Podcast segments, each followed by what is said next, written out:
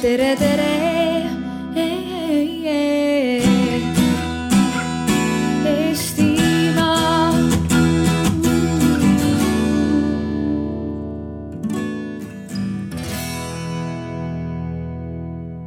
Tere veel kord.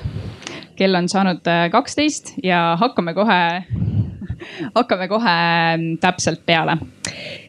Pooleteistkümne tunni jooksul on siin äh, tuleviku tööalal võimalus saada targemaks teemal, mis asja, mis asi on sotsiaalne ettevõtlus.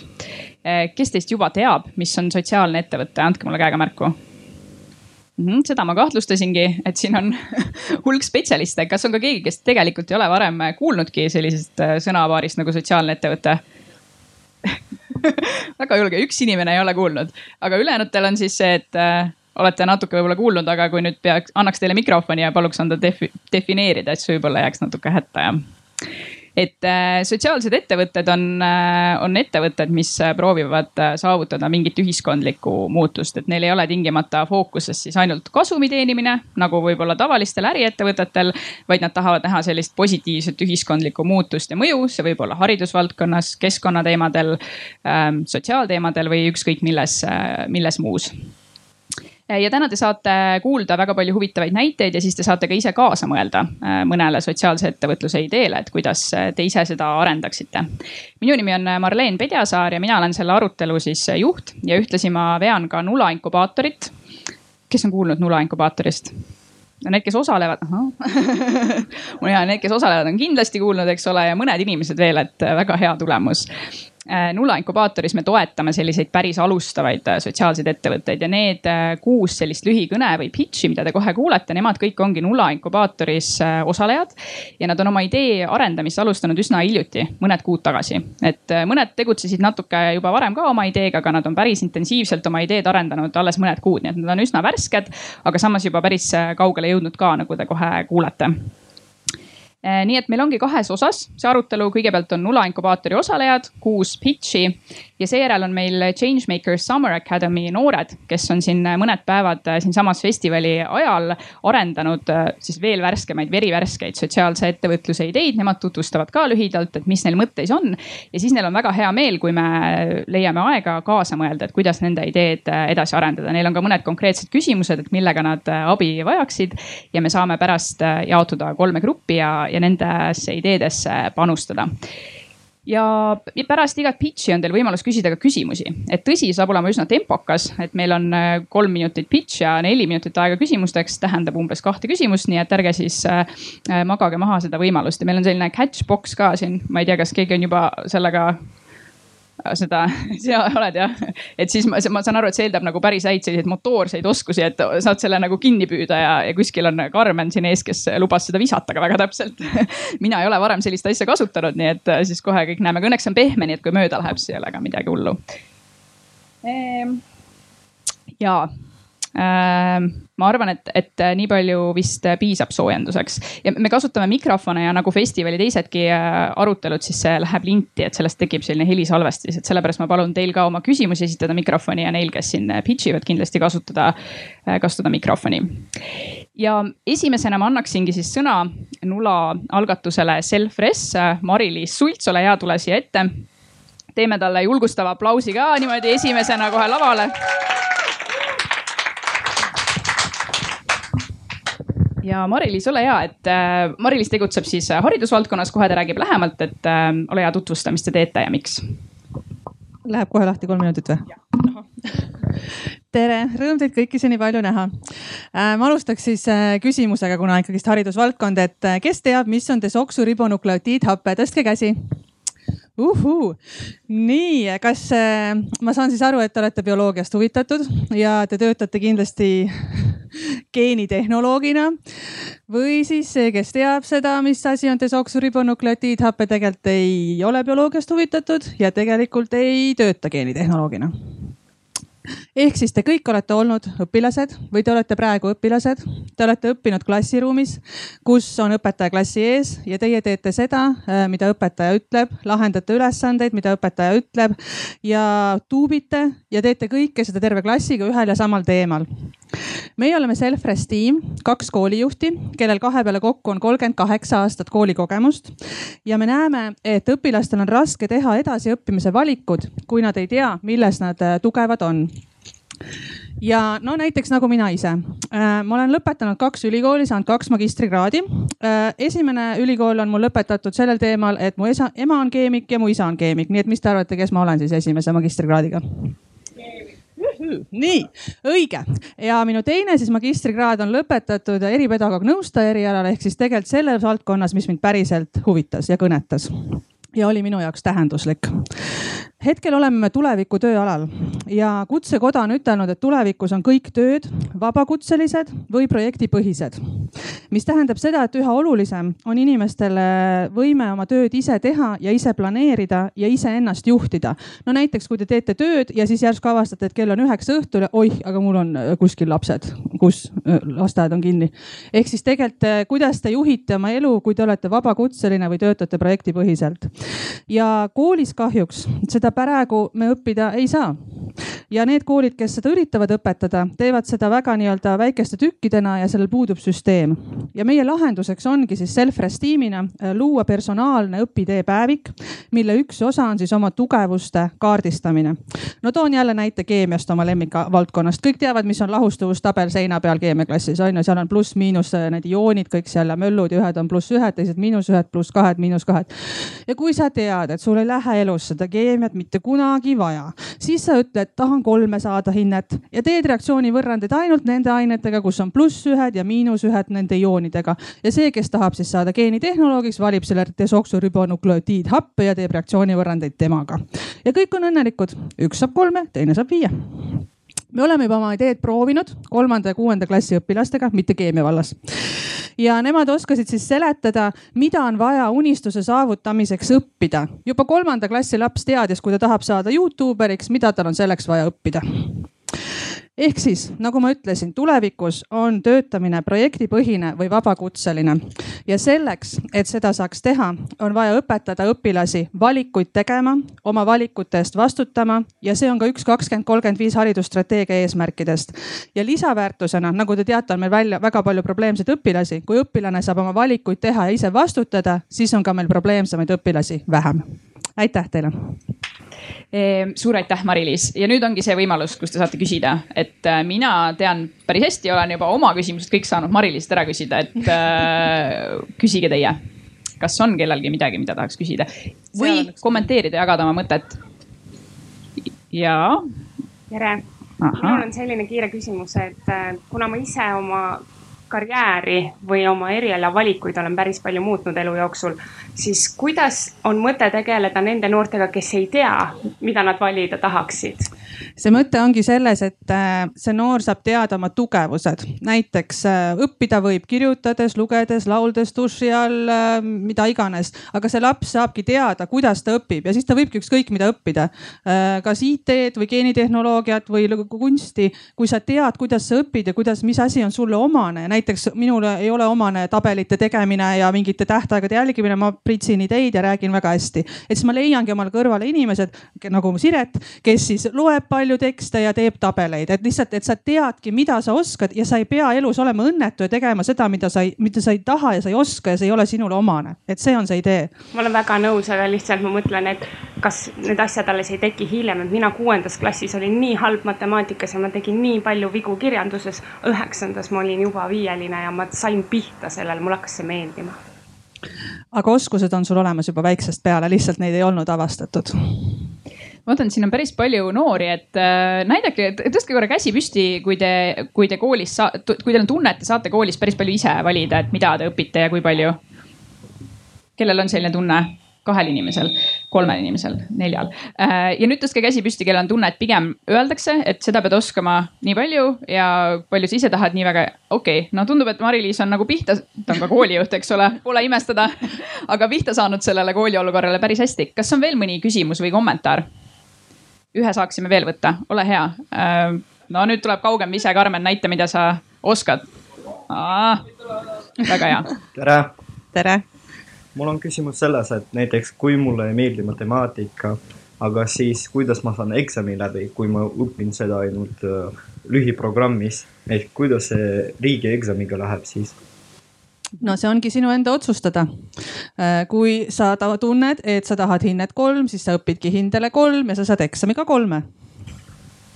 aga eksamid ja see, mida võib-olla annab see programm nagu õppimises, on erinev? ei, see ei saa olla erinev Mhm. sest see nagu läheb äh, eksamite veel järgi. ei no kui sina otsustad näiteks matemaatikas, et sa ruutvõrrandit äh, ei taha osata siis ruutvõrrandist lihtsam on lineaarvõrrand, ruutvõrrandist raskem on äh, võrrandsüsteem. nii et kui sa õpid ära keskmise asja, siis sa saad eksami kolme mm. -hmm aitäh, aga veel üks äh, suur aplaus Mari-Liisile äh, ja liigume siit edasi järgmisena me jätkame haridusteemadel. meil on siin Maarja Hallik äh, algatusest nimega GTL Labor, kes siis äh, räägib ise kohe lähemalt. kas me Maarjale tegime juba aplausi, ei teinud? teeme talle ka aplausi. suur aitäh Äh, jah, juba tutvustati, olen Tallinna Ülikoolist Haridusinnovatsiooni Keskusest ja esindan algatust GTL Labor ja meie meeskonnas on veel äh, üsna mitu haridusvaldkonna inimest, nii teadlasi kui õpetajaid. nii et nagu te võite arvata, on meie algatus ka haridusega seotud ja äh, maailm on muutunud ja meie ühiskond on muutunud ja meie ees on tegelikult väga palju väljakutseid, mis äh, nõuavad, et me teeksime koostööd, oleksime proaktiivsed kodanikud ja leiaksime uusi lahendusi. aga meie haridus on endiselt üsnagi teadmiste ülekandmisele fokusseeritud. ja kui me vaatame näiteks rahvusvahelise kodanikuhariduse uuringu tulemusi, siis jällegi õpilaste teoreetilised teadmised on väga head, aga praktikasse need eriti ei jõua. ja umbes kahe tuhande kuuendast aastast on pigem noorte kodanike aktiivsus äh, üllatavalt langenud ja keskkonnahariduse uuringust tulevad sarnased äh, nüansid välja ja meie lahendus ähm, ja me, me ei taha seda, me tahaks, et noored ikkagi oleksid aktiivsed ja, ja paneksid need teadmised praktikasse. nii et meie lahendus siis on tuua koolidesse äh, projektipõhine õpe koostöös kogukonna partnerite ja ettevõtetega, mille raames noortel on võimalik lahendada päriselulisi probleeme ja muuta midagi paremaks oma kogukonnas ja ühiskonnas ja maailmas laiemalt ja see oleks siis kõik formaalõppe osa, lõimitud erinevatesse ainetesse. ja me teame erinevatest uuringutest, ka meie enda pilootidest, et sellel on reaalne mõju. see mõtestab õppimist, teeb selle tähenduslikuks, aitab luua seoseid, arendada koostööoskust ja lisaks sellele, et see mõju on positiivne õppijatele, on ka mõju positiivne kogukonnale, kus need projektid ellu viiakse me pakume siis omalt poolt õpetajatele, koolijuhtidele tuge mentorluse, koolituse, materjalide ja nende väljakutsete näol ja kui sa oled õpilane, õpetaja või koolijuht siin ja tahad kaasa lüüa, äh, siis äh, liitu meiega. ja kui sa oled kogukonna esindaja, ettevõtja või äh, MTÜ, kes iganes, kellel on mõni väljakutse südamel, siis tule loo meiega väljakutsed õpilaste jaoks ja, ja aita, inspireerime neid, aitame neil need projektid ellu viia. aitäh.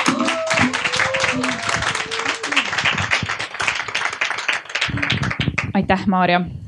kas on küsimusi, kommentaare? minul on küsimus.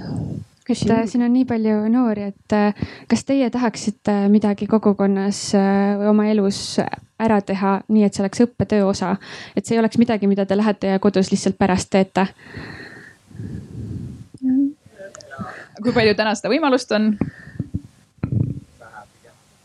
pigem vähe ma toon ühe näite, meil oli üks, üks kool, kaheksandikud, kes tegid kogukonnas projekti ja kogukonna liikmed olid niivõrd inspireeritud, et üks omavalitsuses töötav inimene ütles, et oh, nüüd me hakkame suunama seda raha, mis me kuskile mujale suunasime, sellesse, et need noored saaksid neid projekte ka ellu viia kas sa oskad ähm, tuua mõne, kas, kas ma küsin kõigepealt, kas keegi teist oleks nõus jagama mõnda sellist ägedat projekti, mis äh,, mis te olete teinud, mis ei ole olnud niimoodi, et istute klassiruumis ja õpite selle teema kohta, kas on keegi julge jagama no aga jaga. palun jagage julgelt. jah. no näiteks äh, mina ja minu kool no mina ja minu sõbrad koolist oleme tehtud üks projekti, mis oli seotud välismaa minekuga ehk me tegime koostöö viiega koolidega ja me läksime välismaalt õppima esmaselt nagu kõikidesse nende viietesse riikidesse mm. -hmm. ehk meil oli see suur trip mm. -hmm. väga põnev ja väga äge mm. -hmm ja Maarja, kas sa oskad tuua mõne konkreetse näite, mida GTL Labor, ma tean, et te olete juba testinud ka, et õpetajad on, kas te olete ettevõtetega ka koostööd teinud juba või veel mitte äh,? Nat-, natukene, et on mõned, näiteks Ragn Sells tuli kaasa ettevõtlustunni raames õpilastele rääkima, eks ju, Mirel.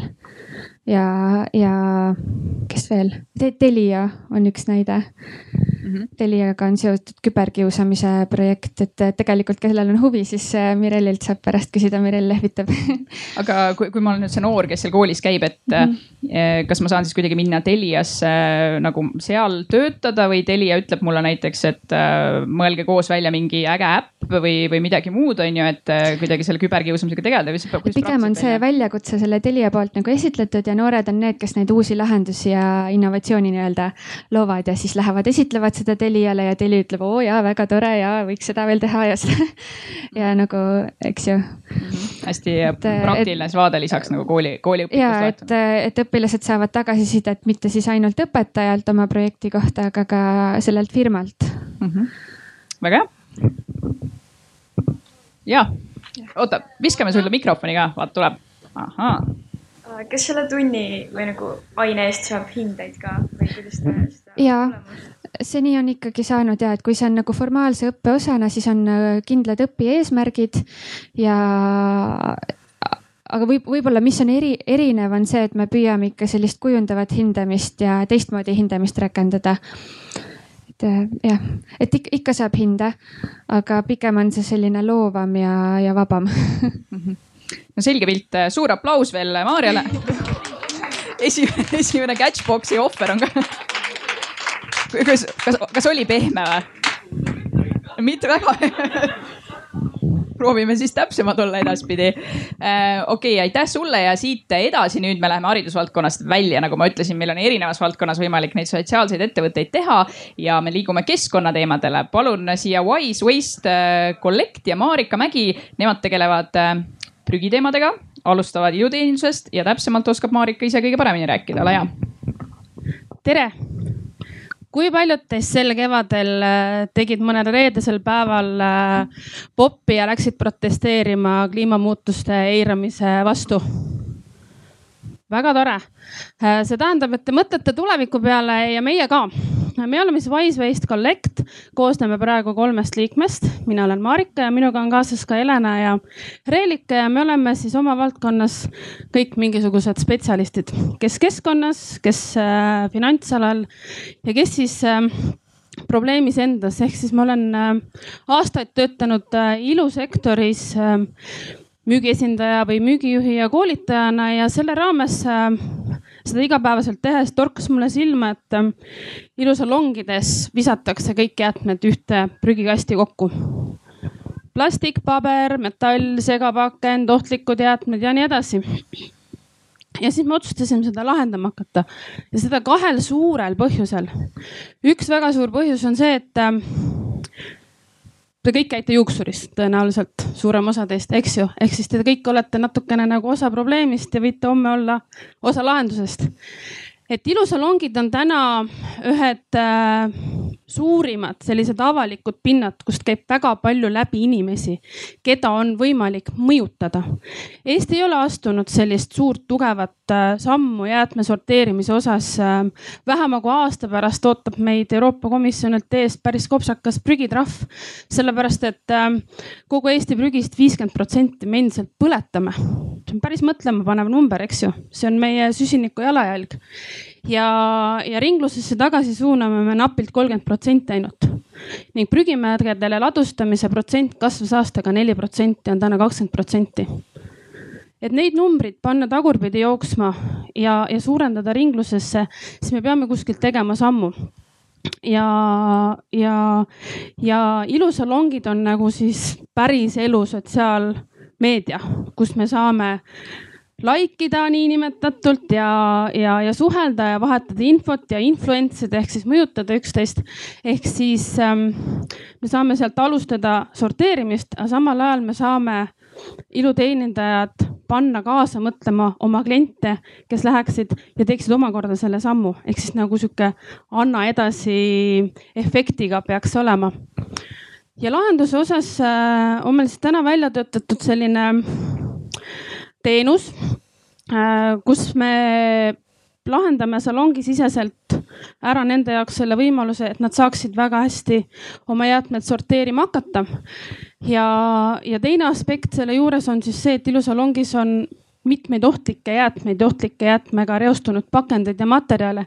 et me ka need ei äh, jätaks tähelepanuta ja et need ei jõuaks tagasi keskkonda, õhku, pinnasesse äh,, kuhu iganes. et me saaksime need sealt täna ära utiliseerida õiglaselt, nii nagu peab ja, ja meie poolt tulevad koolitused ja konsultatsioonid ja teadlikkuse tõstmine äh, igale inimesele, kes sellesse nagu panustada tahab, kaasa arvatud teie, teie käes on tulevik, see on teie maailm, mis siia teile jääb ja, ja teie võimalus seda muuta. aitäh.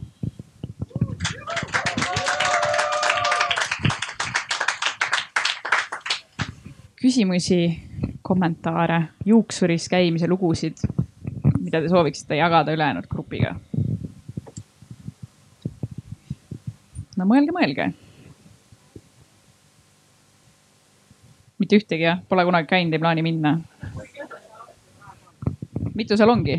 Äh, meil on praegu kaksteist salongi kes on selle idee nagu väga hästi vastu võtnud ja, ja kes tegelikult ka ise on sellele varasemalt juba mõtlema hakanud, aga ei ole olnud äh, sellist lihtsat ja mugavat äh, teenust, et nad saaksid seda tegema hakata. ehk siis tegelikult iluteenindajad täna ise teadvustavad probleemi olemasolust.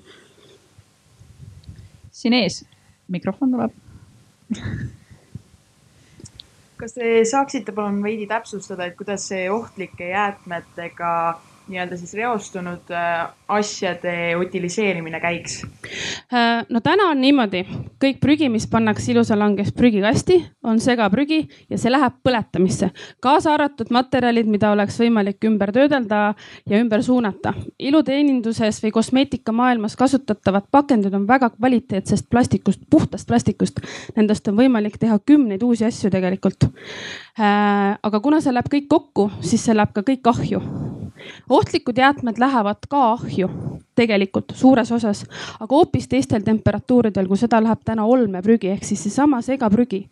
ja selle tõttu hingame me palju rohkem omale erinevaid äh, mittevajalikku jääkaineid äh, sisse läbi õhu või see sajab vihmaga alla tagasi pinnasesse ja on tegelikult väga suur äh, probleem kas sa kunagi rääkisid ja see oli hästi huvitav, et, äh, et tuleb välja, et juuksed ei olegi üldse täitsa kasutud, ka siis, kui need on äh, ära lõigatud et äh, mis juustega teha saab äh,? juuksed, nagu te teate, patsisjuuksed on ju, annetatakse ja nendest tehakse ähm, parukaid siis inimestele, kes, kellel neid on vaja. aga nendest maha kukkunud juustest ähm, täna ei ole mitte midagi muud, kui need visatakse prügikasti. maailmas on aga juba mõned ettevõtmed, kes äh, on leidnud kasutust ka nendele maha kukkunud juustele. Äh, üks suund selleks on äh, teha selliseid juuksepoome, millega saab väga edukalt koristada ära igasugust õlireostust, on see siis pinna sees, on see ookeanis, no ookeanis rohkem tegelikult, sellepärast et juuksed on äh, materjal, mis tõmbavad väga hästi õli endasse sisse, igasugust õli, kõik meie juuksehooldustooted kas sisaldavad õli just sellel eesmärgil.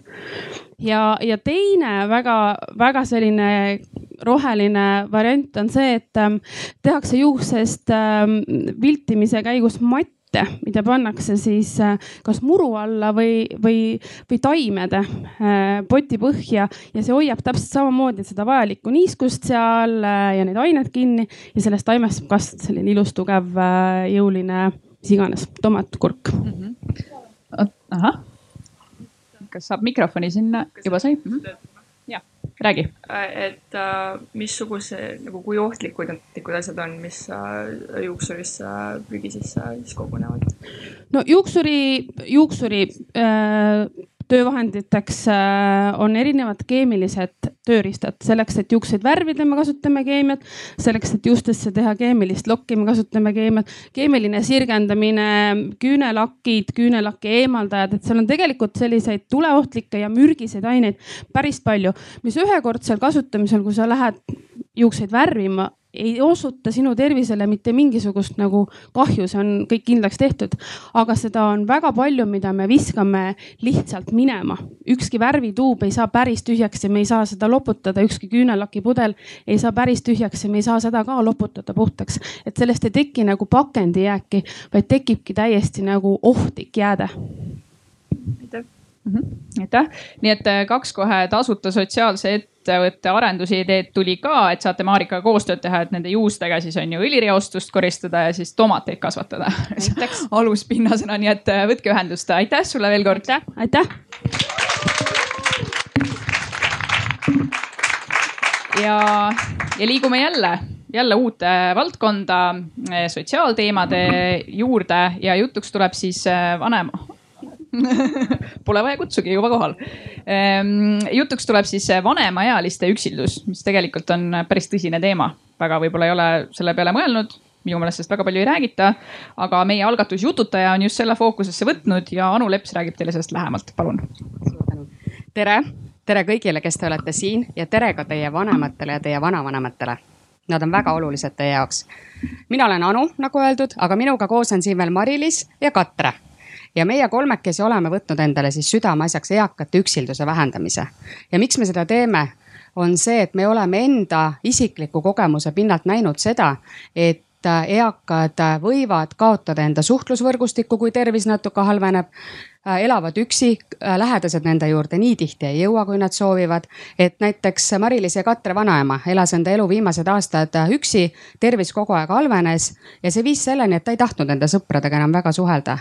ja hoidis omaette ja lõpuks oli vaja tal ikkagi elu lõpus elada ka hooldekodus ja seal on väga toredad inimesed küll, kes aitavad igasugustes elulistes toimingutes, aitavad tervisega seotud küsimustes, aga alati ei suuda täita seda tühimikku, et seda emotsionaalset heaolu luua ja rääkida jutte, rääkida mälestustest. lähedased käivad, aga ka ikka on see tunne, et ma ei jõua piisavalt. Nemad enda vanaemale seda jututajat tol hetkel ei leidnud. aga need jututajad on aina enam olemas ja miks neid on vaja, on sellepärast vaja, et tegelikult me teame, et Eesti inimestest kaks kolmandikku tunneb ennast üksildasena ja eriti ohustatud on vanemaealised. ja mis see nendega teeb? depressioon, stress, kurbus, üksildus, see on tegelikult võrreldav sellega, kui sa oled ahelsuitsetaja ja suitsetad viisteist sigareti päevas.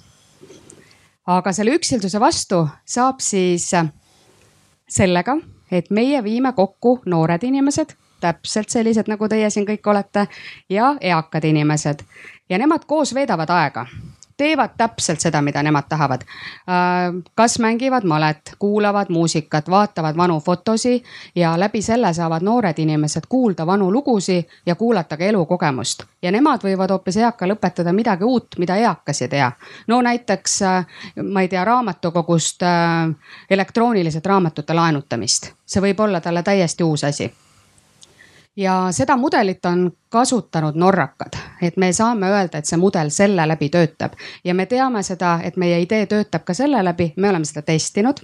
me oleme käinud mitmes hooldekodus ja me oleme käinud ka mitmes kohalikus omavalitsuses ja meil tegelikult juba on hulk noori, kes eakate juures on ka käinud ja sellised esmakohtumised teinud ja nad on väga huvitatud olnud selle nagu tegevuse jätkamisest. aga täna oleme siin, sest et meil on neid noori rohkem vaja ja miks meil on neid noori rohkem vaja, sellepärast me teame ka seda, et järgneva kümne aasta jooksul meie Eesti elanikkond mitte ei noorene, vaid vananeb.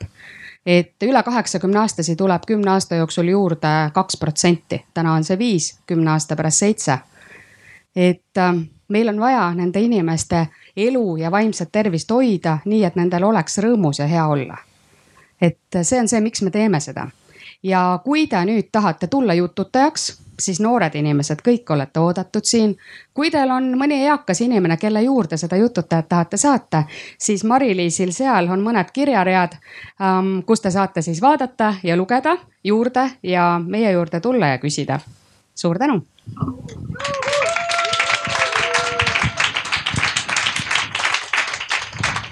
aitäh. tahab keegi küsida või jagada oma mõtteid? Jaa. Viooga. mis te arvate, kuidas peaks noori motiveerima just sinna eakate juurde minema, kui neil endal ka on näiteks äh, vanavanemad või van, vanaemad, vanaisad äh, kodus üksinda kõigepealt muidugi jõudke enda vanavanemate juurde, äh, kes on üksinda, aga mis võiks motiveerida, ma räägin teile ühe noore loo. kes ütles, et äh, ma päris tihti käin enda vanaema juures, ta küll ei ela väga lähedal, aga ainuke asi, millest meie räägime, on see, et aga miks sa niimoodi riides käid miks sul umbes on sellised sõbrad, et noh, vanaema on üsna kriitiline olnud tema suhtes ja ta ütles, et ma ei taha seda nagu isiklikku sellist kriitikat. et ma tahangi rääkida sellest, et mis juhtus viiskümmend aastat tagasi, mis siin külas oli siis, kui palju oli inimesi, millega te tegelesite, aga ütles, et meie jutuajamised kunagi sinna ei jõua et võib-olla see võib olla üks motivaator, et kui on selline huvi, siis vahel võõra inimesega on lihtsam mm. -hmm. ja seal kõrval oli ka ja siis tuleme siia ette, palun. kuidas noored edaspidi üles leiavad teid? Meil on koduleht jututaja.ee, meid leiab ka Facebookist, kõik kontaktid on olemas, andke endast märku ja suhtleme edasi kas te teenite raha ka kuidagi? ja see mul jäi täiesti ütlemata, väga hea, et küsisid. tegelikult äh, meie kontseptsiooni üks osa on see, et see noor inimene saab selle eest ka töötasu ja me pakume talle ka koolitust ja teeme ka sellised lepingud. hästi, vaata nüüd tuleb sealt tagant ettevaatust mina sooviksin küsida, et tihti suunduvad ettevõtjad peamiselt töötama suurematesse paikadesse, näiteks Tartu, Tallinn mm. -hmm. aga kas teie olete, kavatsete ka näiteks äh, väiksematesse kohtadesse pöörduda või millised hoolekogud teil silma on jäänud? praegu me oleme tööd alustanud küll Harjumaalt äh, ja Tallinnast, aga äh, tegelikult see ei ole sellega see asi ei peaks piirduma, et kui me leiame kuskil muus kohas noored ja leiame koha, kus need noored saavad käia või nende suhelda eakatega, kes on kodudes neid on ka piisaval määral, et siis äh, annab asjad kokku leppida ja logistika välja mõelda mm. -hmm. ja seal taga on ka noormehele, sa oled juba harjutanud seda püüdmist päris hästi tuleb välja aga siis küsimus, kust äh, tuleb see tulu teie, et kust te võtate raha, et maksta noortele mm, -hmm. kust te võtate see kõik raha üldse? Väga hea küsimus, et mida me veel teeme, on see, et me otsime endale toetajaid, rahalisi toetajaid, et ja teine on see, et eakatel on lähedased. et äh, tihti see eakas ei ole ka see, kes ise selle nii-öelda teenuse maksab, vaid on äh, tema pere. näiteks pere elab hoopistükkis Eestist eemal, aga nad näevad, et keegi võiks kogu aeg käia ja suhelda nende eakaga, kes on hooldekodus või elab kodus ja meil on ka lisaks olnud läbirääkimised ja kindlasti jätkuvad kohalike omavalitsustega. et nendel on eraldi sellised sotsiaalteenused, kas koduhooldusteenused ja muud. et äh, mõned kohalikud omavalitsused on juba sellist valmisolekut näidanud, et nad võiksid mõelda seda kohaliku omavalitsuse eelarvest tasuda mm. -hmm. nii et siin on nagu mitu erinevat platvormi meil on ikkagi näha, et on siin tulevased sotsiaalsed ettevõtted, et ei lase sellel ärimudelil niimoodi. väga hea. meelest libiseda. kas on veel keegi? ja seal hästi püütud. Äh, mina küsiks äh, hoopis nagu selles suunas, et äh, kas te olete mõelnud, et kas selle nii-öelda eakaga võiks suhelda ka äh, mõni virtuaalne sõber, kes helistab näiteks ja konstrueerib siis sellesama eaka mhm. jutu põhjal näiteks mingeid vastuseid. kasvõi kord, kord päevas või kord paari päeva tagant või, või, või kasvõi selleks, et helistada, helistab ja robot loeb näiteks talle mingit lugu ette või mis, midagi sarnast. see on üks mõte, mida me peame kaaluma, aga tegelikult me ikkagi seda inimlikku kontakti, äh, see on nagu meie põhiline agenda olnud. et kokkusaamised ja näost näkku suhtlemine sest et eakatele on ka võib-olla natukene võõram see elektrooniline maailm ja selle kaudu suhtlemine. Telefon on tuttavam, aga muud kanalid võib-olla mitte nii väga. aitäh mm. -hmm. suur tänu, teeme ühe aplausi veel oh..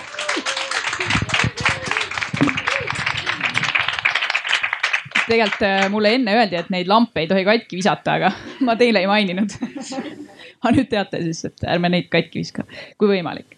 Ehm, järgmine teema on jälle hoopis äh, teisest ooperist, liigume andmete juurde.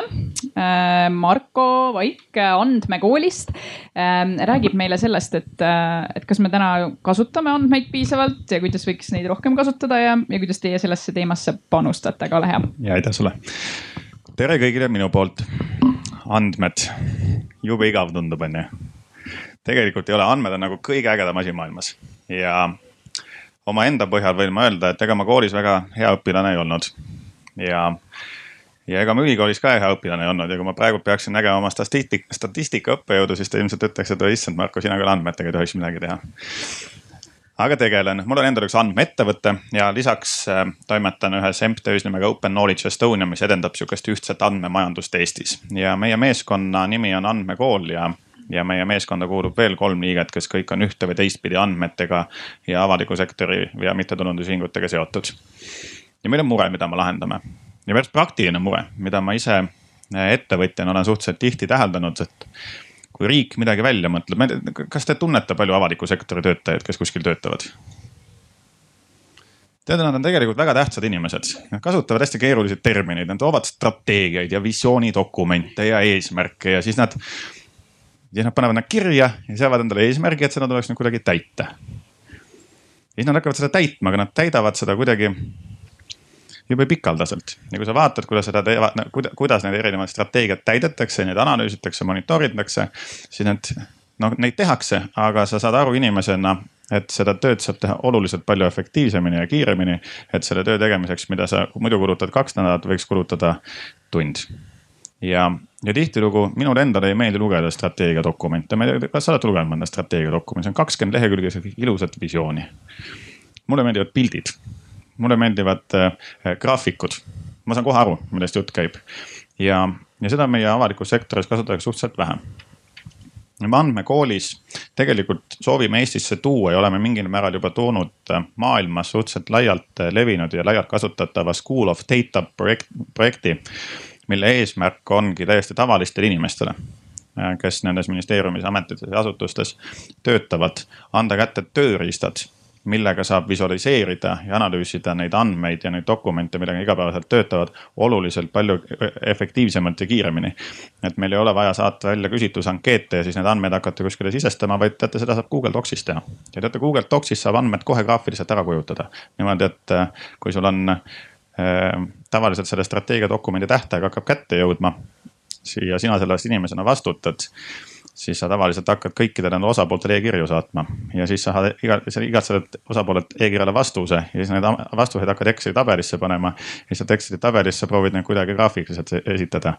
tegelikult piisaks sellest, et sa oled loonud ühe Google'i dokumendi või vormi, eh, kuhu taha on ka pandud eh, lisavõimalusena graafina kujutamine ja nii kui kõik osapooled selle ära täidavad, on su kogu see strateegiadokumendi esitamine koosolekuks valmis. aga neid teadmisi ei teki iseenesest, sest et äh, see valdkond on inimestele nagu võõras ja ehmatav, aga tegelikult need tööriistad on suhteliselt lihtsalt kasutatavad. ja andmekoolis äh, me soovimegi just avalikule sektorile esialgu äh, tutvustada neid tööriistasid, millised nad on, me teeme seda töötubade vormis ja ja koolitame kõik need inimesed, kes nende dokumentide töötamisega peaksid tegema, neid asju ilusasti esitama, et siis kui ka minusugused inimesed, kes tegelikult andmetest midagi ei tea, neid andmeid siis näevad, saavad aru, millest see tegelikult jutt on. ja täna on meil tegelikult esimene klient ka olemas ja selleks on Riigikantselei strateegiabüroo, kellel me siis esimesed lahendused aitame ühest ära visualiseerida. aitäh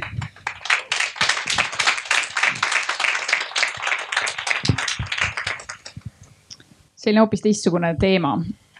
on siin keegi, kellel tekkis küsimusi või tahate jagada midagi? siin keskel, palun.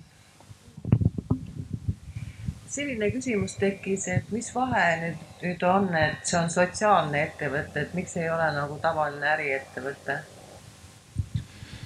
Kui me vaatame neid muid maailmaprogramme, siis nad on tegelikult kõik MTÜ põhilised, sest need kulutused, mida seal esialgu teha tuleb, on oluliselt suuremad kui need tulud, mis sealt sisse tulevad. ja seetõttu on meil vaja see rahastusmudel küll üles ehitada, aga täna ta on noh, sihuke oma, oma rahast tehtav töö ma mõtlen, kas see on ka kuidagi avalikkusele, kui tegelete avaliku sektoriga on ju, et need on kuidagi nagu siis kättesaadavad, et noh, et, et mis see avalik hüve või huvi on, on ju, et mina nagu kodanikuna võib-olla ei oskagi öelda, ma ei tea, mis keskkonnaministeeriumi eesmärgid on, ma ei oska lugeda neid pikki dokumente, aga kui ma vaataksin mingisugust visualiseeringut, et siis ja täpselt, et nagu ma siin eh, korraga juba mainisin, et eh, kõik need dokumendid, mis ka keskkonnaministeeriumis tehakse, et meie huviks on see, et need inimesed, kes neid dokumente koostavad, nad saaksid meid lõpuks koostada meie jaoks kes, keda, keda nad tegelikult peaksid huvitama, need dokument ei ole, et nad ei võiks nad ei peaks olema ainult majasiseseks kasutamiseks, vaid peaks olema lihtsalt mõistetavad kõigile inimestele ümber, keda see keskkonnaministeeriumi dokument huvitada võib mm. -hmm. et ja, et sotsiaalsete ettevõtete puhul ongi, on, on see mingi, mingit tüüpi nagu tulu teenimine on väga hea, aga mis lõpuks eristab tavalist ettevõtet ja sotsiaalset ettevõtet on see, et tavalisel ettevõttel on omanikud, kes võtavad selle tulu välja, on ju, dividendidena ja saavad sellest siis eraisikud reeglina kasu. ja sotsiaalse ettevõtte puhul see tulu, mida teenitakse, investeeritakse tagasi mingisuguse ühiskondliku eesmärgi saavutamiseks. näiteks, et rääkida sellest, et meil on andmed, neid tuleb kasutada, otsuseid tuleb teha andmepõhiselt. seal oli veel üks küsimus, see on üsna kaugel, võib-olla on mõistlik kõndida selle Catchbox'i, Karmen, näed seal natukene sinnapoole minu küsimus on see, et kui palju see avaliku sektori jaoks maksab? täpselt nii palju, et saaks kohvi, pausi või lõuna kinni maksta, et olenevalt äh, inimgrupist kuskil viissada kuni tuhat eurot. ja see on, ta ei ole äh, sihukene tunniajane koosviibimine, ainult on paaritunnine workshop, kus äh, lähevadki meie meeskonna spetsialistid isiklikult kohale ja see kaetakse siis igapäevasest eelarvest ja need teadmised me tahame, et jääksid majja sisse. me ei taha, et nende et me peaksime jätkuvalt koolitama hakkama, küll aga me pakume ka järgmist astet, kus, kui on mingisugused dokumendid äh, analüüsid või tööd, mida oleks vaja visualiseerida ja analüüsida hästi pidevalt ja tihti. siis me pakume ka tehnilist konsultatsiooni, et need, äh, me, me ei taha, et meie peaksime majas tihti käima. me tahame, et inimesed ise oskaksid ka oma infosüsteemid tulevikus niimoodi üles ehitada, et pidevalt on tabelid ja, ja graafikud kogu aeg muutumises koduleht või kust teid leiab üldse? ja meid leiab äh, andmekool.voog.com. mõni näide on ka seal olemas või? Äh, tegeleme just selle kokkupanemisega, aga veel, veel pilte ei ole. aga meil on olemas endal arvutites need, aga me tahaksime panna sinna üles sihukese tegeliku näite, mis me nüüd kohe riigi äh, strateegiabürooga lahendama hakkame. kas, kas te tahaksite vastu vaielda sellele? aga palun, mikrofon tuleb tähendab, selles mõttes tahaks vastu vaielda, et, et ta on ikkagi nagu riigi poolt finantseeritav tegevus, eks ole, et tegelikult ministeeriumites igal pool on inimesed, kes on võetud selleks tööle, et nad teeksid korrektseid kõikidele mõistetavaid dokumente. ja nüüd see on nagu noh, nagu see sisse, teenuse sisseostmine, et nüüd on mingi firma, kes on küll MTÜ, eks ole, keda ikkagi riik nagu finantseerib ja nüüd toimetab seal vahepeal. et tähendab, minule nagu tundub, et see on ikkagi nagu äriettevõte algstaadiumis, kui tal on vaja teha investeeringuid ja tal ei ole veel piisavalt tulusid, eks ole. et aga see ei tähenda seda, et ma ütleksin, et see on halb, vaid et pigem see on, see tundub hästi tore ettevõte ja need ande, andmetöötlus, eks ole, seda on vaja ka kõikidel väikestel firmadel. et tegelikult äh, see võikski olla nagu ka äriettevõttena ja toetada just neid väikeseid algavaid ettevõtteid mm. -hmm. et seda oskust on väga vaja ja neid inimesi, kes seda oskaks, on väga vaja. ja, ja ma ütlen ühe kiire kommentaarina, et tegelikult äh, meil ei ole siin keegi kuidagi finantseeritud kellegi poolt, et meie näiteks Nula inkubaatoris praegu me kuidagi ei rahasta andmekooli, et igaüks ise käivitabki oma siis sotsiaalset ettevõtet. see juriidiline vorm võib lõpuks olla nagu ühte või teistmoodi, sageli enamasti need on äh, MTÜ-d tahtsid sa veel midagi kommenteerida selle peale või, või mitte? E, ja ei, ma, ma usun, et kui me ühel hetkel saame selle, ma, ma ise näen seda, kuna mul endal ka äriühing olemas, kus me tegutseme tegelikult andmetega, üritame raha teenida igapäevaselt. siis ma näen seda natuke teistsugust mõõdet juures. ja, ja see mõõde ongi just see sotsiaalne mõõde, et me tegelikult teeme midagi millegi hüvanguks. oma ettevõttes ma teen midagi millegi hüvanguks, aga seal on ta natuke teise nurga alt mm. ja, ja, ja ma ei ole, ma ei, ma ei, ma ei soovi seal oma ettevõttes äh, puudutada ühiskonda nii palju lai, nii laialt äh, ja sellise sooviga, nagu me teeme seda selle MTÜ kaudu, et ma olen enda jaoks nagu kuidagi niimoodi ära eristanud, aga me võime sellest pärast pikemalt rääkida ka. absoluutselt rääkige ja see tegelikult ongi, äh, sotsiaalne ettevõtlus ongi selline ala, et see ei ole kuidagi, see ei ole eraldi juriidiline vorm näiteks on ju, see ei ole kuidagi selgelt reguleeritud, et sellepärast siin ongi sellest hea debateerida, see on, on, on siin on selliseid filosoofilisi ja praktilisemaid küsimusi palju. suur aitäh, teeme ühe aplausi veel, sest me peame minema edasi Drop eh, meil on üks eh, Nula algatus veel, keda me ei ole veel ähm, kuulanud äh, ja jälle hoopis teine valdkond, tegelevad pagulastega äh,. Tartus, vist Tallinnas ka nii Tartus kui Tallinnas. ja, ja nende siis sooviks on, et pagulased integreeruks Eesti ühiskonda hästi, saaksid kohe tööturule, saaksid seal hakkama, saaksid sinna jääda ja kindlasti veel asju, millest Dan teab paremini kui mina, ole hea. ja tere kõigile, et äh, minu nimi on Dan ja ma olen siis viimased neli aastat pagulastega töötanud see kõlas nagu mingi patuülestunnistus muidugi. aga, et selle nelja aasta jooksul olen ma näinud, et äh, pagulastel on ääretult keeruline tööturule saada ja tegelikult ka välismaalastel, kes ei ole IT-spetsialistid, on raskusi leida endale sobiv töökoht Eestis. ja muidugi me võime küsida, et noh, Eestis ei ole pagulashorde suurim asja, et miks see mulle peaks lugema ja miks see teile peaks lugema. aga põhjus on selles, et mida rohkem on välismaalasi pagulasi, kes istuvad kodus, kes ei leia tööd, seda rohkem võimendab see sellise laisa toetustest elava immigrandi visandit, mis järjest enam siis kütab üles ka pingeid ühiskonnas, mis on juba küllaltki pingeline ja meie lahendus sellele on siis selline sotsiaalne ettevõte nimega Köömen, mis äh, kombineerib hea maitse ja siis sellise sotsiaalse ühiskondliku muutuse. et pagulastega töötades on äh, näha, et pea iga pagulane, pea iga pere oskab tohutult head toitu teha. üli, mega, epic, super head. aga sellest, et mingil perel, ma ei tea, Fatimal on maailma kõige parem baklaava retsept, see ei tähenda, et ta homme saab restorani sellega tööle minna. et seal on selline vahemik sees ja see ongi see, kus Köömen, meie sotsiaalne ettevõte mängu siis tuleb, et äh, me kombineerime sellise mõju ja, ja ettevõtte tulu meil on selline neljakuuline arenguprogramm, mille raames siis me pakume erialaseid koolitusi, keelementorlust, toidumentorlust ja kõige tähtsam igapäevast praktikat siis programmis osalevatele pagulastele ja vastu siis Eesti turule pakumegi catering teenust nendelt samadelt pagulastelt, kes siis programmis praktikal osalevad. Ja see siis ka finantseerib äh, meie arenguprogrammi nendele pagulastele ja siis, kui see neljakuuline arenguprogramm on läbi, pagulane on selle läbinud, siis ta saab ise valida, kas ta jätkab meie sotsiaalses ettevõttes tööd catering'u pakkumisega või siis ta läheb juba kuskile mujale tööle, ka restorani valdkonnast väljapoole.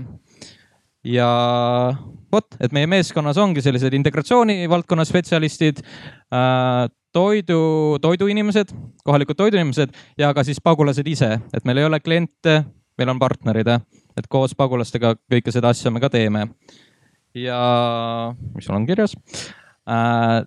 kus me siis praeguseks oleme jõudnud, et me oleme neli, neli-viis kuud juba tegutsenud, testinud seda ideed. ja minu jaoks võib-olla kõige tähendusrikkam on see, et neli aastat pagulastega ja ka välismaalastega töötades ja üldse eestlastega ka koolitusi organiseerides oleme näinud, et iga õige koolitaja teab, et siis, kui äh, koolitus algab kell kümme, siis sa ütled, et koolitus algab üheksa kolmkümmend. kuna siis jõuavad inimesed kohale ja ei pea kellelegi helistama, et kuule, kus see on ja nii edasi. ja ma täiesti nagu mõistan, et pagulaste ja uussisserändajate perspektiivist ka, et jälle on mingi koolitus, kus mulle öeldakse, et kuidas peab elama ja kuidas kultuur on ja nagu aa, neid on ju väga palju. Köömnes selles sotsiaalses ettevõttes, see on, ma ei peaks seda ütlema, aga mina tavaliselt olen see, kes äh, tuleb täpselt kohale, kuna kõik teised pagulased on juba pool tundi, tund aega varem kohale. ja see on see mõju meile, et see töötab ja sellel on selline päris vajadus olemas ja praegu pakumegi catering ut Tartus, Tallinnas. tegelikult oleme ka siin Arvamusfestivalil Keskväljakul, saab seda Fatima maailma parimat äh, baklaava retsepti ka proovida. ja, aplaus.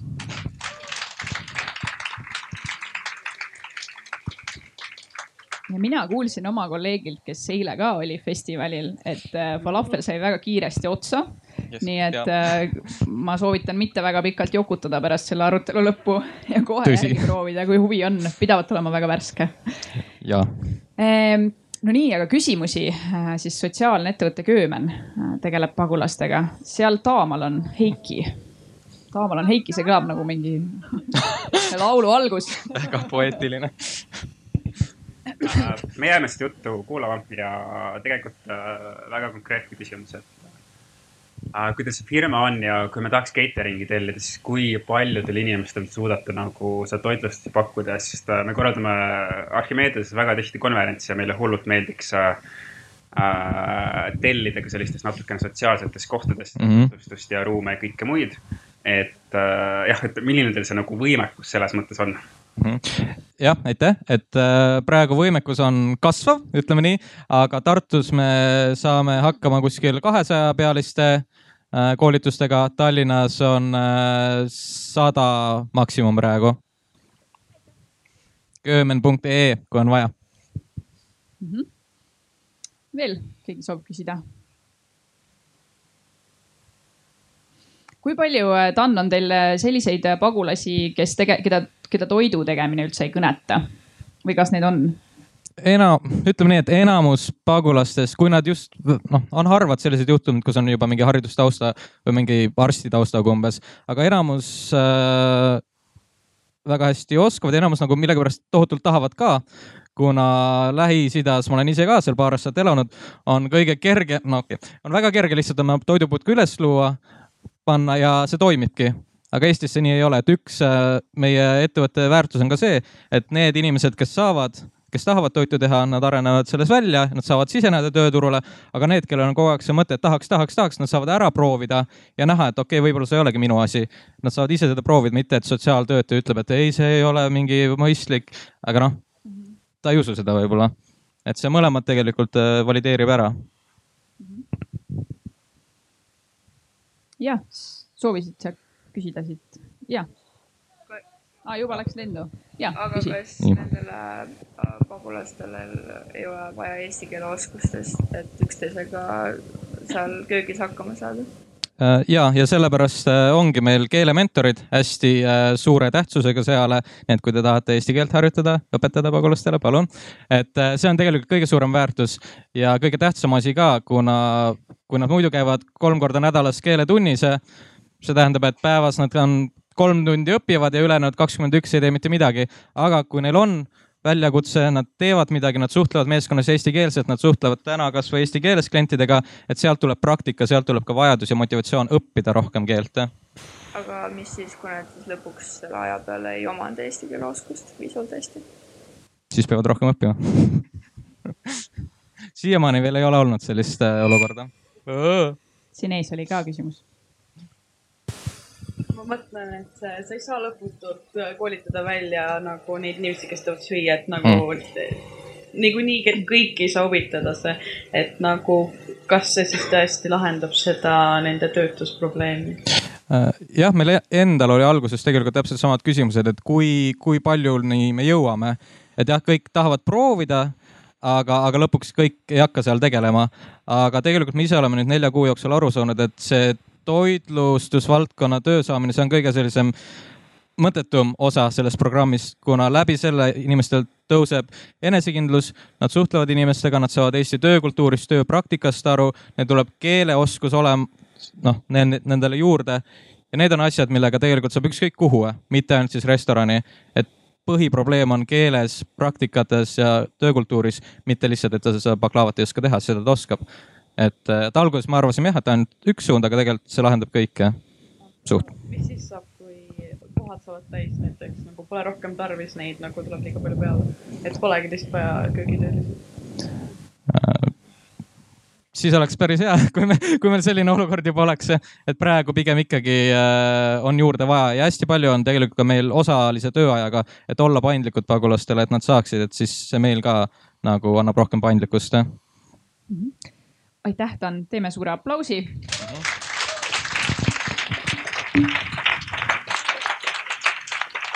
see oli äh, viimane kuuest Nulas osalevast sotsiaalsest ettevõttest, äh, mida te kuulsite. ma loodan, et see oli huvitav, saite nii-öelda nagu mõtte liikuma, et, äh, et mis suunas ja kui erinevad võivad olla sotsiaalsed ettevõtted.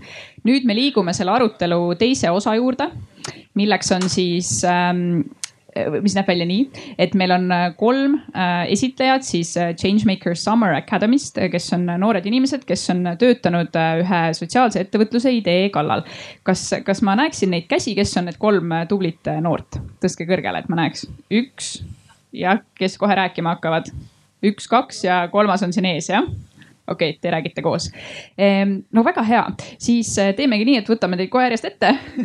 Ja vahepeal või tähendab pärast seda, kui te olete need pitch'id ära kuulanud, siis ähm, me palume teil ka teha sellise salajase hääletuse. et Changemaker Summer Academy eestvedajad jagavad siis teile välja sellised paberilipikud ja me palume teil just vaadata, et milline idee teile kuulajatele tundub kõige huvitavam, et see on neile endile siis heaks sisendiks, me seda siin kuidagi välja ei ütle, aga Changemakers Summer Academy siis avalikustab selle hiljem kunagi oma Facebooki lehel. nii et te võite juba siis sellise ideega kuulata, et milline idee teid kõnetaks äh, ja millega teie meelest kõige enam tasuks edasi liikuda. aga me hakkame näiteks siit eestpoolt minema. ei. jaa, hakkame küll, hakkame.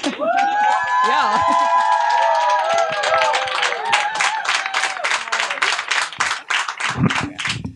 et äh, ole hea, ütle oma nimi ja, ja sul on siis poolteist minutit aega rääkida, on ju, mis te olete siin vahepeal äh, välja mõelnud? Iga üheksa minuti järel sooritab üks inimene Euroopa Liidus enesetapu. see aeg on aga piisavalt pikk selleks, et meie loodavas äpis oma probleemile lahendus leida. mina olen Sireli ja meie oleme taskukliinik. meie töötame välja äppi kus on psühholoogidel kokku kogutud info, kus igal abivajajal on võimalik leida endale sobivaim psühholoog nendega esmalt tutvudes. Statistika näitab et, et vaid üheksa protsenti Euroopa Liidu inimestest saavad abi, kui neil on vaimsed probleemid. kuid mis saab üheksakümne ühest protsendist? meie soovime seda muret lahendada.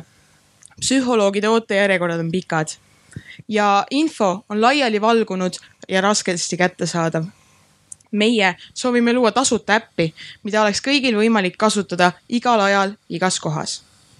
seega oleme seda välja töötanud nüüd üsna lühikest aega, kuid usume, et idee on toimiv, sest et nõudlus on suur ja abivajajaid palju. ja võin äh, veel lõpetuseks öelda, et äh, taskukliinik äh, on lahendus kõigile, sest et seda saavad kasutada kõik äh,. aitäh.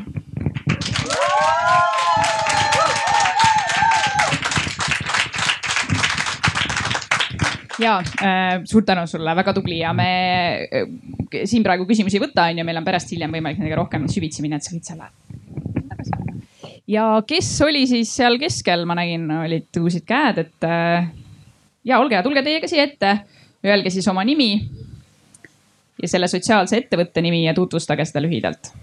tere, meie oleme tiim Gorgandipoogid ning meie südameasjaks on äh, Eestis elavate välismaalaste turvatunne. mul on ka oma lugu olemas. mul on sõbranna Poolast, kes tuli Tallinnasse vabatahtlikuks ja ma tean, et ta tunneb ennast päris üksikuna ja ta on juba väsinud oma ühiselamus äh, nuudli söömisest või kallides restoranides maksmisest. ja kõiki, mida ta soovib, on tavaline õhtusöök koduses õhkkonnas. Ja just selliste inimeste jaoks me loome äpi Around the Table. äpi põhimõtteks on äh, leida üles need äh, üksikud välismaalased Eestist ning juhatada nad kohalikesse peredesse õhtusööki sööma. see kõik toimub läbi äpi ning äh, kõigepealt klient ehk välismaalane saab valida õhtusöögipaiga ning pere astuda vestlusesse selle kohaliku perega, leppida kokku detailid ning asuda maksmise juurde.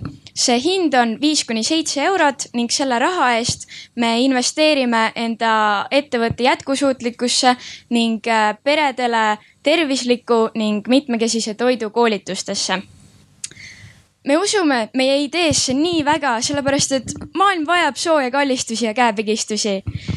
toome selle kogu maailma jaoks kättesaadavaks turvaline, õdus, mõnus.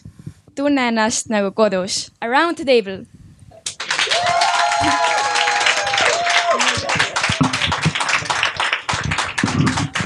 no super ja täpselt aega ka üks kolmkümmend, tundub, et te olete harjutanud. Äh, ütle korra see nimi mulle ka uuesti, mis teie selle algatuse nimi oli? aga see ongi Around the table ongi teie nimi, okei okay., selge pilt, aitäh ja minu äh, matemaatika ütleb, et üks on jäänud veel jah. tulge siis siia ettepoole kohe aplaus, aplaus.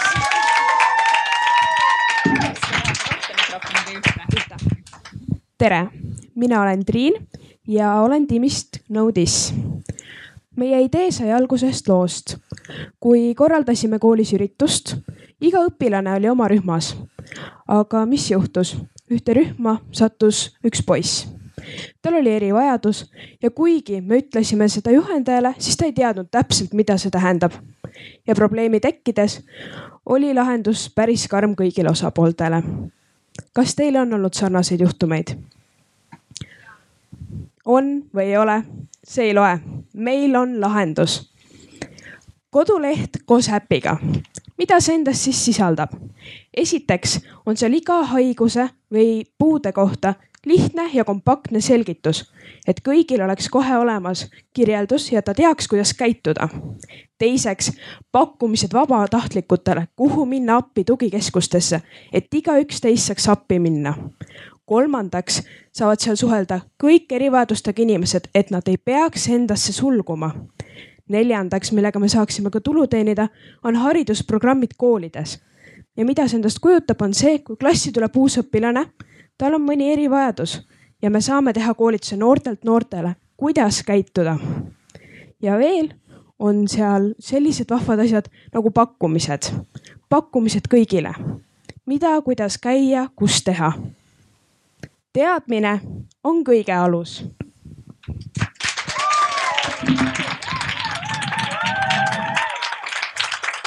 aitäh öelge teie ka uuesti oma selle algat-, ettevõtte nimi, palun. No. aa, no, no this ja, ja, ja no väga tore, nüüd ma palun äh, Changemakers Academy tiimil kiirelt-kiirelt äh, jagada laiali siis äh, sedelid, kus ma vaatan, on kolm kastikest, kus te siis saate anda oma hääle.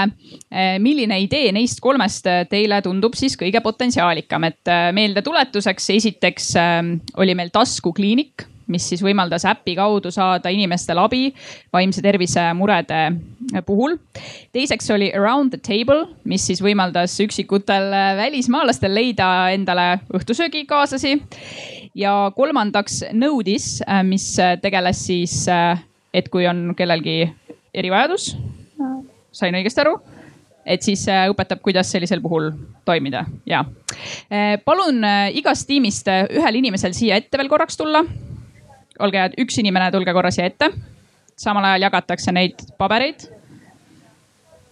ma ei tea küll, kuidas pastakatega lood on. võib-olla peate laenama mõnelt sõbralt, ongi hea võimalus suhelda. ja samal ajal siis, kui, kui jagatakse neid pabereid, kuna me järgmiseks siis jaotume kolme gruppi ja meil on võimalus siis ühele ideele aidata kaasa mõelda, siis ma küsin nüüd siin tiimi juhtidelt või, või neilt lihtsalt, kes julgesid tulla siia ette uuesti. et äh, millega te enim abi vajaksite, Sireli, äh, teie tiimil, millega oleks kõige rohkem abi vaja, kui inimesed teiega liituvad? Äh, võib-olla oleks esmalt kõige rohkem abi vaja meil kliinikutelt, et nemad saaksid teha meiega koostööd. et meil oleks võimalikult äh, lihtne leida sobivad professionaalid, keda inimesed saaksid usaldada mm. -hmm. et äh, kliinikud, me usume, et sealt on võimalik saada võimalikult usaldusväärset infot ning kõigil on tagatud, et spetsialistid on usaldusväärsed mm. -hmm okei okay., et kui keegi juhuslikult siin on, töötab mõnes kliinikus või vaimse tervise teemadega, siis kindlasti, aga kas on midagi veel ma ei tea, on teil vaja abi äh, just mõelda ärimudel läbi või turundusega või lisaks selle sisu poolele? Esimene on taskukliinik, eks ole, vaimse tervise murede puhul saab abi. Ehm, teine oli Around the table, äh, sai siis minna äh, üksikud välismaalased õhtusöögile kellegi juurde, ka äpi kaudu. ja kolmas siis samuti äpp, eks ole, Know This, äh, kus siis saab õppida, kuidas tegutseda või kuidas suhelda erinevate siis erivajadustega inimestega. ütlesin ma selle õigesti? väga hea. Need kolm tükki siis võib-olla on lisaks veel äh, abi vaja lisaks kliinikute kaasamisele turundusel et noh, millisel äh, selles suhtes ettevõttel ei ole turundust vaja, et mis on ülimalt oluline äh, just selle idee levitamisel ja et see jõuaks kõigini ja kõigi abivajajateni, kõigi abipakkujateni. turundusinimesed alati universaalselt hinnas. okei okay,, lähme siit edasi, Linda jah ja.? Linda, mida teie tiimil oleks vaja? Linda on siis around the table üksikud välismaalased mm. -hmm Äh, meie jaoks on äh, probleem see, et me tahaks oma äppi hästi lihtsaks teha ning sealhulgas ka maksmise, et äh, ei tekiks seda, et peab kuskile eraldi panka logima või midagi, et see toimuks äpi kaudu, aga kuna noh, me oleme noored, meil ei ole kogemusi, siis me ei tea, kuidas seda täpselt teha, et me ei satuks ka seadusega kuidagi pahuks sisse ning äh, teine probleem on jällegi turundus nagu Sireli meeskonnal. et äh, kuidas äh, võimalikult soodsalt siis jõuda nende välismaalasteni ning ka peredeni, et kes tahaksid üldse ennast registreerida sinna äppi ja, ja siis enda koduuksed avada mm. -hmm. jah, ja, ja see jõudmine alati võib-olla ei ole ka turundusküsimus, võib-olla ka selline sisu küsimus mm -hmm. natukene on ju aitäh ja Triin nõudis, millega teil oleks enim abi vaja? võib-olla millega kõige enim, et need inimesed ikkagi üles leida. eile turu-uuringul tuli näiteks välja see, et sattusime ühe väga toreda naisterahvaga rääkima, kelle sõbrannal oligi erivajadus ja ta ütles, et ta käib juba kakskümmend aastat ühes tegevuskeskuses. et tegelikult äh, just neid kontakte jagada, kus miski asub, mis sündmused toimuvad, see on võib-olla see, millega meil kõige rohkem on hetkel abi vaja ja just see sisend, et mis seal veel olla võiks, kõik haridusinimesed ja kõik, et koolides ei oleks seda, et sõimusõna on mingi puue vaid tegelikult see on reaalselt haigus ja sellega tuleb tegeleda, et siukseid asju ennetada. Mm. -hmm, aitäh. Ja väga huvitav tegelikult kõik, kõik no te tegelete sellise suhtlemisteemadega, on ju, et te kõik need teie lahendused puudutavad seda, mis on väga tore, ma arvan, et need täpselt need teemad, millega meil on vaja tegeleda. Eh, kas kõik on saanud sedeli kätte, sinna midagi ka markeerinud, kas sellega kuhugi pannud? super, asi töötab nagu õlitatult nüüd siis äh, teemegi niimoodi, et kõik, kes me siin oleme ja, ja valmis kaasa mõtlema, ma loodan, et meid, äh, meid on omajagu, siis äh, jaotuks nende kolme grupi juurde ja, ja teeme niimoodi, et, et Sireli, sina lähed sinna, on ju, Sireli ja taskukliinik, ma ütlen kõigepealt ära ja siis liigume siia keskele siis Linda ja Round the Table ja siis sinnapoole number kolmena nõudis äh, ja Triin ja tema tiim on ju. ja teie kõik siis jaotuge nende juurde, kakskümmend minutit on meil siis aega, noored ise veavad seda vestlust, mida neil vaja on ja tegelikult on ju teretulnud kõik teadmised ja kompetentsid, eks ole, et nad ju alles alustasid oma idee arendust, nii et kui te ei ole turundusinimene, kui te ei ole vaimse tervise spetsialist, teie mõtted on enam kui oodatud, nii et palun liituge, panustage, kõik olid ju väga head ja väga olulised ideed. nii et siia minu vasakule käele siis äh, taskukliinikust äh, huvitatud, keskele around the table üksikud välismaalased ja siiapoole nurka minu paremale käele nõudis äh, erivajadustega inimestega suhtlemine. kui keegi nüüd peaks selle jaotumisega äh, hätta jääma, et siis äh, palun äh, öelge, ma kordan üle, aga muidu te kuulete minu häält siin mikrofonis kahekümne minuti pärast uuesti, kus me lihtsalt teeme kiire kokkuvõtte ja vahepeal on teil siis võimalus arutada. okei okay,, head arutlemist siis. see maksab palun teil uuesti vaadata siia, no lava siin äh, küll selgelt ei ole, aga lihtsalt siis ütleme minu poole ja, ja igast tiimist siis äh, ühel noorel korra tulla veel siia ette. ma lihtsalt küsin kiire küsimuse, et kas, kas tuli ka mõni, mõni uus mõte?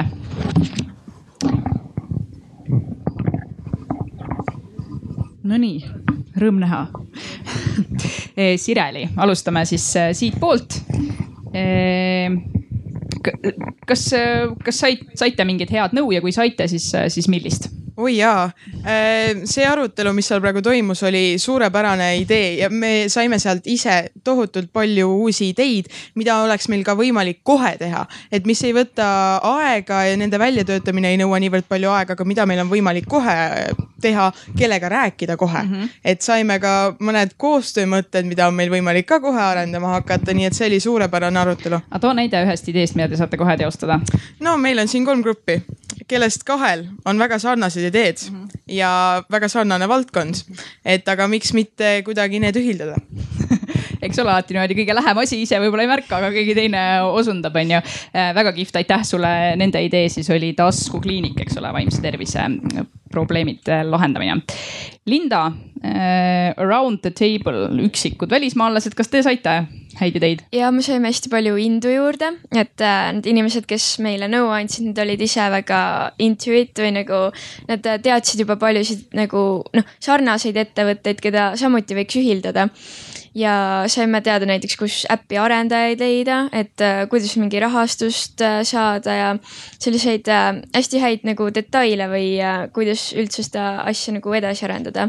et ja äh, väga suurepärane arutelu oli mm. -hmm, sellised praktilised äh, näpunäited, rõõm kuulda äh,. Triin, kuidas teil? läks? Äh, meil läks arutelu väga hästi, väga tore oli vestelda, saime hästi palju sisendit ja võib-olla rohkem fookust paika, et ei peaks olema nii palju funktsioone ja keskenduda rohkem äh, sellele, mida me ikkagi, mis oli selle algne probleem, mida, mis vajab lahendamist. ja veel seda, et kaasata ka sotsiaalministeeriumit, sest tegelikult see haridus ja sotsiaal on hästi-hästi üks teema selle koha pealt eriti.